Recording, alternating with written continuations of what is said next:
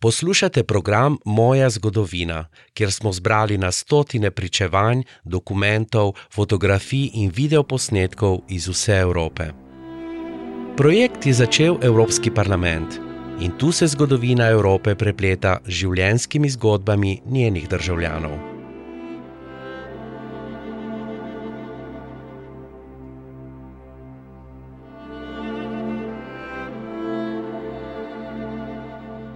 Edith Steinschreiber Bruck se je rodila leta 1931 v mačarski vasi Tisa Bercel, blizu slovaške in ukrajinske meje. Je pisateljica, pesnica, scenaristka, režiserka, dramatičarka, prevajalka in je preživela holokaust. Rodila se je kot najmlajša od šestih otrok. Imela je dva brata in tri sestre. Njeno otroštvo pa ni bilo lahko. Njeni mami je bila judovska vera zelo pomembna, oče pa ni bil tako veren. Boril se je v prvi svetovni vojni in dobil odlikovanje, leta 1942 pa so ga izključili iz vojske, ker je bil jud. Delal je v mesnici in je le stežka preživljal veliko družino. Avuto una infanzia molto povera, eh, come tanti altri, un villaggio ungherese. Rodila sem se v mađarski vasici. Kot veliko drugih smo bili tudi mi zelo revni. Veliko je bilo antisemitizma. Še huje pa je bilo, da sem se v svet antisemitizma že rodila. Večina družin v naši majhni judovski skupnosti je bila ortodoksnih judov. V dveh ali treh družinah, med katerimi je bila tudi naša, pa smo bili manj verni, z izjemo moje matere, ki je bila zelo verna in se je vsak dan pogovarjala z Bogom. Jaz pa sem bila upornica. Govorila sem ji, naj se raje pogovarja z nami, s svojimi otroki, ne z Bogom, ker je ta tako ali tako ne posluša.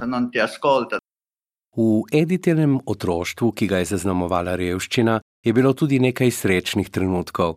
Naprimer, ko je osvojila nagrado za najboljši esej v razredu in ko so ji sestrične podarile škornje in edino obleko, ki jo je dobila v otroštvu. Starejši sestri sta se preselili v Budimpešto, kjer sta se izučili zašivili, eden od bratov pa je odšel od doma, da bi si delo poiskal drugje.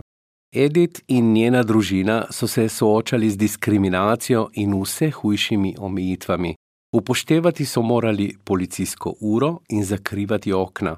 Vse bolj jih je bilo strah, potem pa je bilo aprila 1944 vsega konec.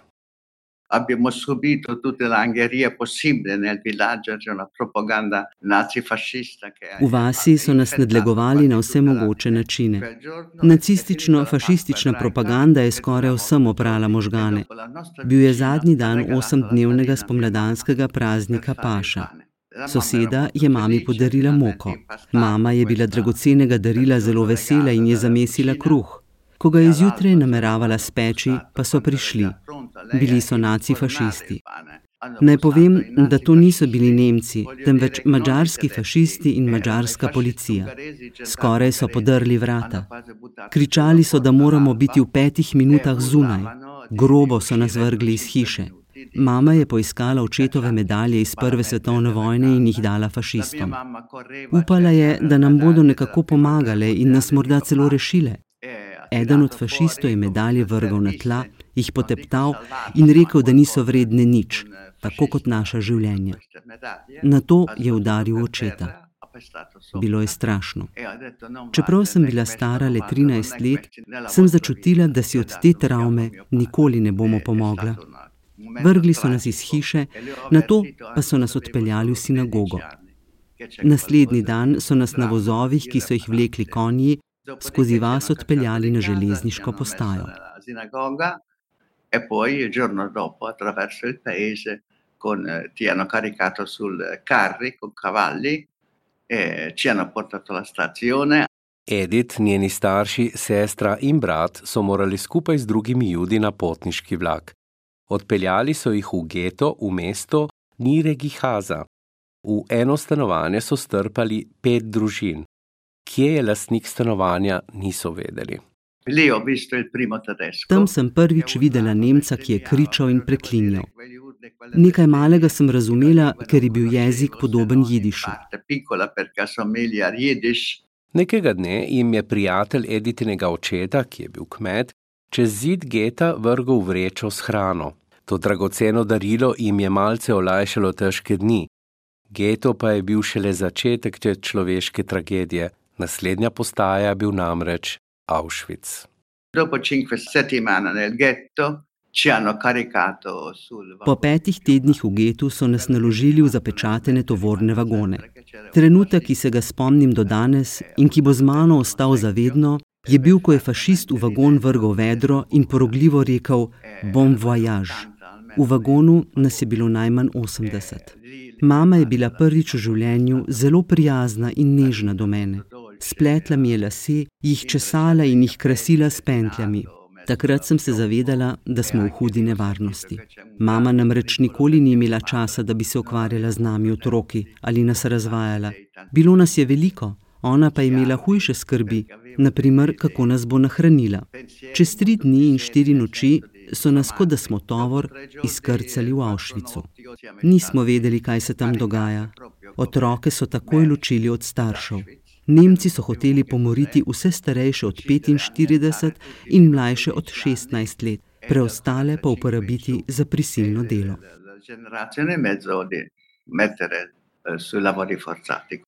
Trinajstletni Edith je po prihodu v Auschwitz nekako uspelo ubežati takojšnji smrti. Njeno mamo pa so žal takoj poslali v plinsko celico. Z mamo sem šla na levo, v vrsto za plinske celice. Trdno sem se je držala, ker je k meni prišel Nemec in mi zašepetal: Pojdi na desno. Mame nisem želela zapustiti, ona pa je kričala name, naj ga ubogam, vendar tega nisem storila. Na koncu je mamo potolkal na tla. Nikoli več je nisem videla. Mene pa je tepel, dokler nisem šla v vrsto na desni, kjer sem se pridružila starejši sestri. Na srečo sva bili ves čas skupaj, saj brez nje najverjetneje ne bi preživela. Poslali so naj v taborišče C, barako 11, kjer se ni začelo življenje, ampak smrt. Stalni postopki selekcije. Lakota, še hujša lakota pretepanje in mrz so bili naš vsakdan. To ni bilo nobeno življenje. V vsakem trenutku ti je grozila smrt. Ko te je strah, da boš zdaj zdaj umrl, tega pač ni mogoče imenovati življenje. V Avšvicu, ki ni bilo delovno, ampak uničevalno taborišče, sem preživela tri mesece. Neprestano so izbirali ljudi, ki so jih pošiljali v krematorij. In ves čas, vsak teden je prihajal dr. Mengele, razupiti zdravnik, ki je pozneje pobegnil v Brazilijo. Auschwitz je bil le prvi v vrsti koncentracijskih taborišč, v katerih je bila zaprta Edith. Sestro so jo najprej predstavili v uničevalno taborišče Dachau, nato pa še v dve taborišči za prisilno delo Kaufering in Landsberg. Prav v vsakem pa je Edith naletela na paznike, ki so še ohranili nekaj človečnosti. A Dachau un cuoco nella cucina mi ha chiesto come ti chiami. Allora spiegare cosa significava questa domanda. V Dachau me je kuhar v kuhinji vprašal, kako mi je ime. Za gologlavo zapornico v lesenih coklah in vreči za krompir, ki ni bila človeško bitje, temveč samo številka, bila sem številka 11152, je bilo to vprašanje kot glas iz nebes. Bilo je neverjetno. Vi hajstu, kako ti je ime? Približal se mi je in rekel: Tudi sam imam takšno deklico. Na to je iz žepa na srajci potegnil glavnik in mi ga dal, saj so mi spet začenjali rasti lasje. To mi je dalo upanje, mi vlilo novih moči in povrnilo zaupanje v človeštvo. Njegovo dejanje je bilo v tistih okoliščinah izjemnega pomena, saj sem se spet počutila kot človek. V Kauferingu pa mi je vojak grobo izročil menaško, v kateri je bilo še malo marmelade. Postil mi je dva centimetra. Lizala sem stene posode, da bi dobila ostanke, on pa me je presenetil. Takšne dejanja imenujem žarki svetlobe. Žarki svetlobe. Ta izraz sem uporabila tudi v svojih knjigah. Zame pomeni življenje, človeško dobroto in znak, da ni vse tako črno. Ima izjemen pomen, saj zajema vse, kar je dobro. Na to so nas prestavili v Landsberg. Tudi tam mi je eden od vojakov nekaj porinil v roke. Vedno so delali tako, mogoče zato, da bi pred drugimi prikrili, da je v njih še nekaj človečnosti. Bila je luknjasta rokavica. To so geste, ki jim pravim žarki svetlobe, sredi trte teme. Altra cosa che un soldato mi ha sbattuto addosso, sempre sbattevano, forse per non far vedere agli altri che hanno un minimo di umanità, un guanto bucato. Quindi sono questi gesti, io chiamo luci, nel buio più totale. Edith je te svetle žarke našla v svojih paznikih. Po drugi strani pa so bili kapi, zaporniki, ki so imeli v taboriščih vlogo vodi, pogosto neusmiljeni. Vendar jih ne moramo kar tako soditi. Ne pozabimo, da so bili ti ljudje, ti kapi oziroma kapovke, to so bile namreč vedno ženske, delno, ne, popolnoma razčlovečeni. Deportirali so jih vsaj dve leti pred nami. To so bile Poljakinje, ki so jih deportirali leta 1941 in 1942. Zato so bile tam že vsaj leto in pol ali dve leti. Ne veš, v kaj se lahko spremeni človek, ko se bori za preživetje. Zato jih nisem nikoli sodila. Po vojni sem spoznala tri kapovke, a nisem nobene od njih obtoževala, ker ne morem vedeti čeprav vem, da sama zagotovo ne bi bila takšna, kot so bile one. A ljudje smo krhki in šipki in bi zato, da bi preživeli, naredili vse. Kako bi jih lahko sodili? Ne vem, kaj so doživljale, kaj se je zgodilo, bile pa so deportirane že vsaj leto in pol. Človeška bitja so zelo ranljiva, izjemno ranljiva, znotraj pa tudi precej prazna.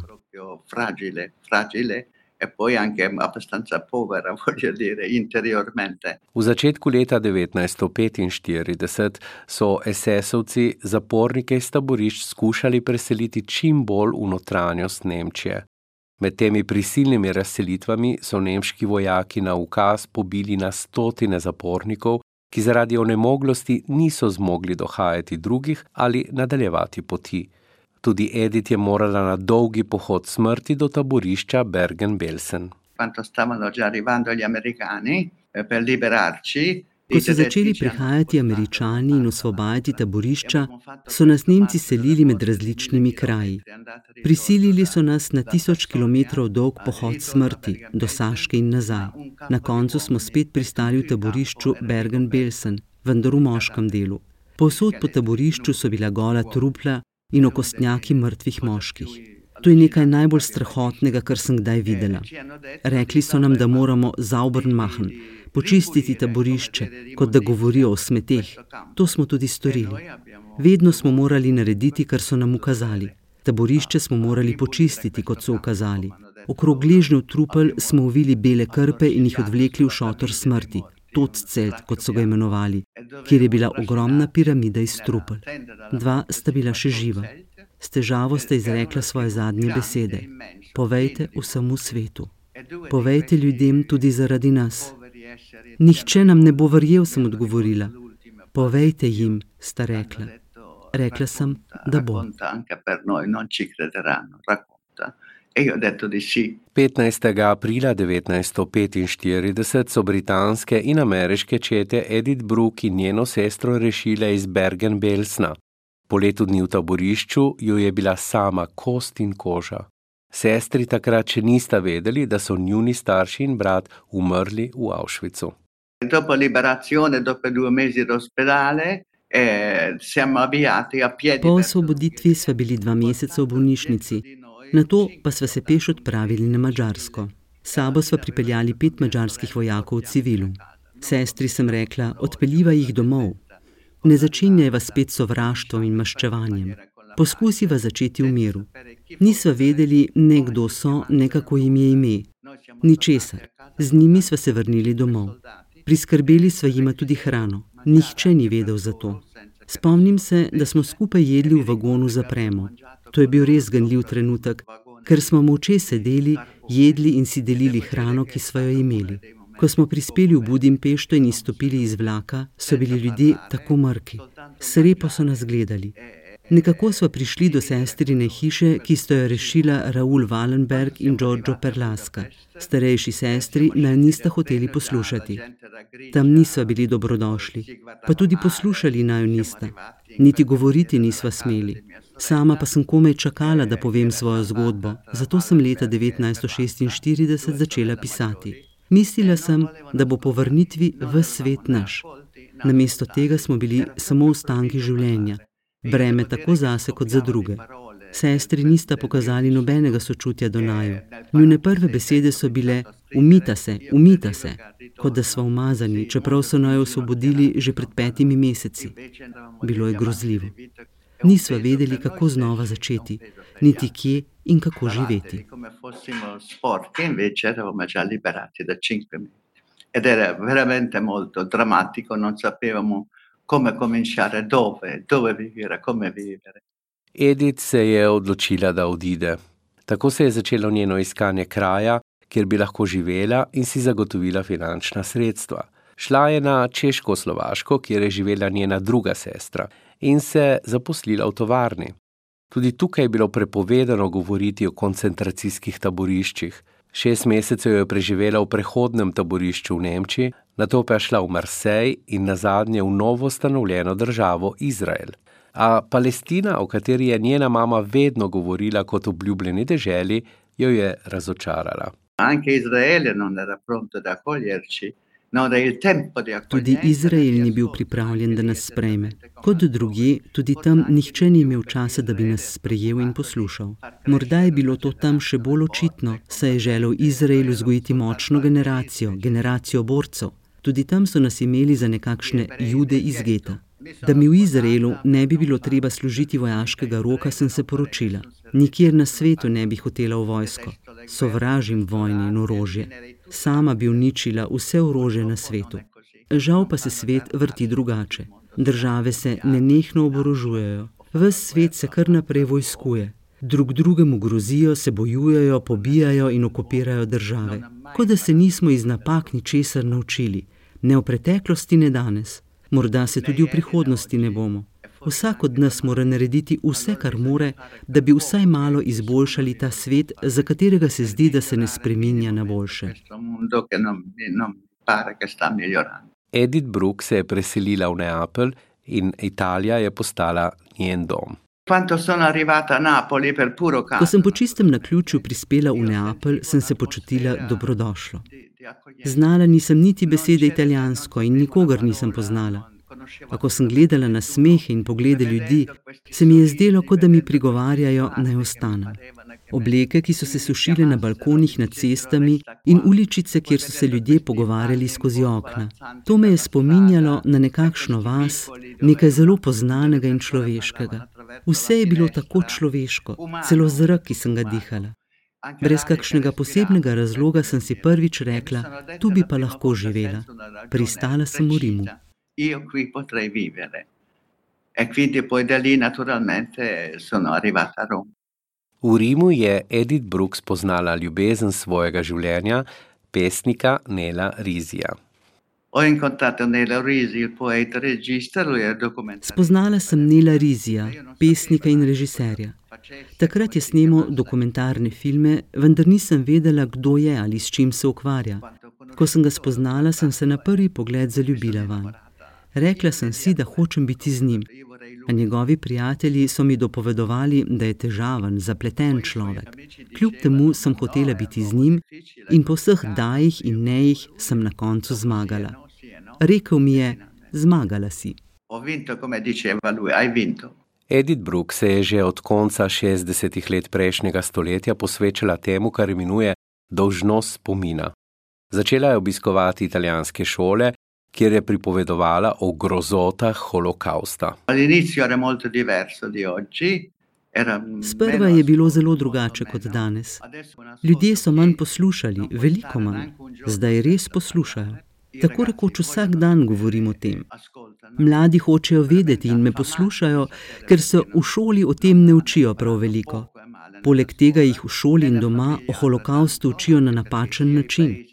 Ker so bile tako države kot družine v veliki meri povzročiteljice vsega, kar se je zgodilo, Ljudje niso želeli govoriti o teh stvarih. Po vojni so holokaust celo zanikali. Po vsej Evropi so namreč kar čez noč vsi narodi, ki so bili prej fašisti, med drugim tudi Mačari, nenadoma postali komunisti. Italijani so bili najprej fašisti, nato pa so podpirali krščanske demokrate. Nikjer se ni razvila prava demokracija, še danes ne, kaj šele takrat. Ljudje so vedno poskušali zanikati čim več dejstev, zamegliti resnico, omiliti okoliščine. Zdaj pa se javnost zelo zanima za to temo. Vsak dan svojo zgodbo delijo tri ali štirje pričevalci, kar je zelo utrujajoče. Utrujajoče, to moram reči. A pomembno je, da ljudje poslušajo. Zame je nagrada, ko vidim, da me mladi poslušajo, da so radovedni in da želijo izvedeti več. Edith Brooke z učenci deli svojo zgodbo v šolah, o holokaustu pa piše tudi knjige in pesmi v italijanščini. Prima di tutto scrivere, secondo me, eh, in, in parte un po' di terapia per Pisanje je zame neke vrste terapija. Pišem v italijanščini, ki sem se naučila in mi daje svobodo. V mačarščini v teh stvarih zagotovo ne bi mogla govoriti in pisati, kot to počnem v italijanščini, ker mi moj jezik prikliče grozljive spomine. Že po eni sami besedi pred očmi zagledam svojo ubogo mater. Moj materni jezik je zame bolečina in obudi zelo boleče spomine. Italijanščina pa me ne spominja na nič takšnega. Italijanščina zame pomeni svobodo in zatočišče. V tem jeziku se skrivam, saj mi dajo svobodo, ki jo v maternem jeziku nikoli ne bi imela. Morda na mačarskem niti ne bi objavili mojih knjig. Ko sem namreč svojo prvo knjigo prevedla v mačarščino, so seveda hoteli, da iz nje izbrišem dele o nasilju vojakov. Rekla sem, da ne bom ničesar izbrisala. Če nočejo, jim ni treba objaviti knjige, a izbrisala ne bom ničesar. Povedati hočem resnico. Po prvi knjigi jih je Edith Brooke napisala še veliko. Piše o vsem, kar jo boli. O konfliktih, diskriminaciji, antisemitizmu, rasizmu. Mi tocca tutta l'oppressione, tutte le, le guerre, tutto quello che accade. Name vplivajo vsa zatiranja, vojne, vse, kar se dogaja po svetu. Danes ne morem reči, da ne vemo, da nismo videli ali vedeli, kot so trdili po vojni. Danes vemo vse. Vse. Zelo dobro smo informirani in moramo se zanimati za dogajanje po svetu, tudi če sami nismo del njega. Naše države in življenja, naše gospodarstvo, naš razvoj ali degradacija ljudi so odraz tega dogajanja. Rasizem se namreč pojavi vedno znova. Ko moram danes gledati proteste z zastavami, kjer vihrajo zastave svastiko, je to res strašljivo kot bi mi kdo zarinil nož v srce. Pa tudi stvari, ki jih ljudje govorijo o migrantih, naprimer, da bi morali pustiti, da utonejo, ali da so otroci migrantov pasi klopi. Tega ne morem poslušati, ker me prizadene. Dotakne se me vse, kar se dogaja ljudem, ne le tisto, kar se zgodi meni ali kar se je zgodilo meni, moji družini in judom. Dotakne se me vse, kar se zgodi drugim, čeprav je drugače, saj se nič ne more primerjati s holokaustom. Zanimati se moramo za vse, saj je vse naša zgodba, tudi če nas ne zadeva neposredno. Perché tutto ci riguarda, anche se non ci riguarda direttamente. Edith se je v preteklosti srečala s papežem Janezom Pavlom II. in papežem Benediktom XVI. Obe srečanji sta potekala v rimski sinagogi. Papež Frančišek pa je 20. februarja 2021 Edith Brooke obiskal na njenem domu. La visita di Papa Francesco era totalmente diverso e secondo me Obisk papeža Frančiška je bil povsem drugačen in je imel po mojem mnenju tudi popolnoma drugačen namen. Takoj, ko je prišel, sem planila v jog. Papež je imel govor, ki ga je imel že pri memorialu Jad Vašem v Jeruzalemu, kjer je mučenike prosil odpuščanja. Za odpuščanje je osebno prosil tudi mene in izrazil občudovanje nad vsem, kar počnem. Bilo je zanimivo, ker so o njegovem obisku govorili povsod, po vsem svetu, ne le v Italiji. To je bilo zelo pomenljivo sporočilo, drugačno od sporočil drugih papežev. Prišel je k meni domov. Za njegov zasebni obisk na mojem domu je vedel v svet, zato je bilo to nekakšno univerzalno sporočilo, ki ni ostalo zaprto v sinagogi. Mislim, da si je papež Frančišek želel prav tega. Prišel je z debelo izdajo Talmuda in menoro ter pri meni ostal skoraj dve uri. Nekaj malega je tudi prigriznil. To je bilo res nepozabno srečanje. Dolgo sva se pogovarjala o različnih stvarih. Papež Frančišek je zelo človeški in izžareva izjemno človeško toplino, saj se rad objema. Rad se objema, jaz pa tudi. To je bilo nepozabno, prekrasno doživetje. Enkrat me je tudi poklical po telefonu. Rekla sem, kdo je? In on je rekel: Francesco. Bilo je neverjetno. Zelo prijateljski odnos imava in upam, da bo tako tudi ostalo. Res ga imam rada in mislim, da ima na nek način tudi on rad mene. Šolarji Edith pogosto sprašujejo, ali je povzročiteljem odpustila, kar so ji storili. Odgovori jim takole. Io credo che l'uomo deve perdonare se stesso e non amo le confessioni, la soluzione. Mislim, da mora človek odpustiti sebi. Spovedi in odveze mi niso blizu. Svoje zločine si lahko odpustimo le mi sami. Če je odpuščanje to, da ljubiš človeštvo kot celoto, da ne delaš razlik med religijami, barvami kože, da braniš zatirane, vsakega begunca, vsakogar, ki nima sreče, celo berače na cesti, da v življenju pravilno ravnaš. Morda je odpuščanje prav to. Odpuščanje je lahko tudi etično ravnanje z vsemi ljudmi, kar počnem in kar sem. Mačarski fant, ki smo ga vzeli pod streho.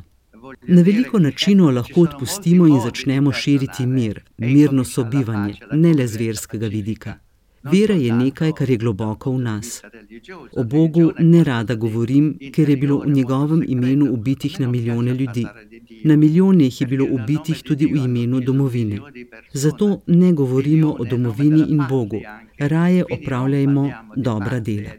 Sama mislim tako: varuj vse ljudi in spoštuj njihove pravice. Občutka sovraštva ne poznam in upam, da ga nikoli ne bom.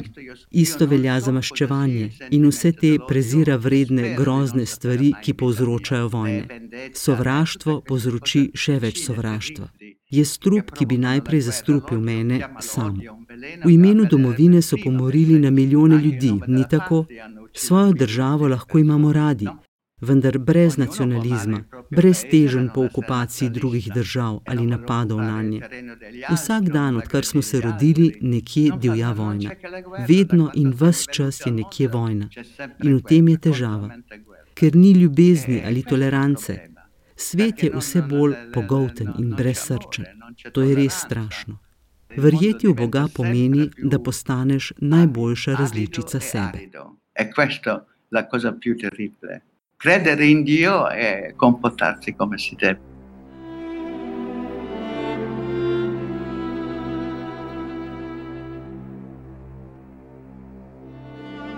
Poslušali ste program Moja zgodovina. Evropski parlament je ta projekt pripravil v sodelovanju z državljani iz vse Evrope.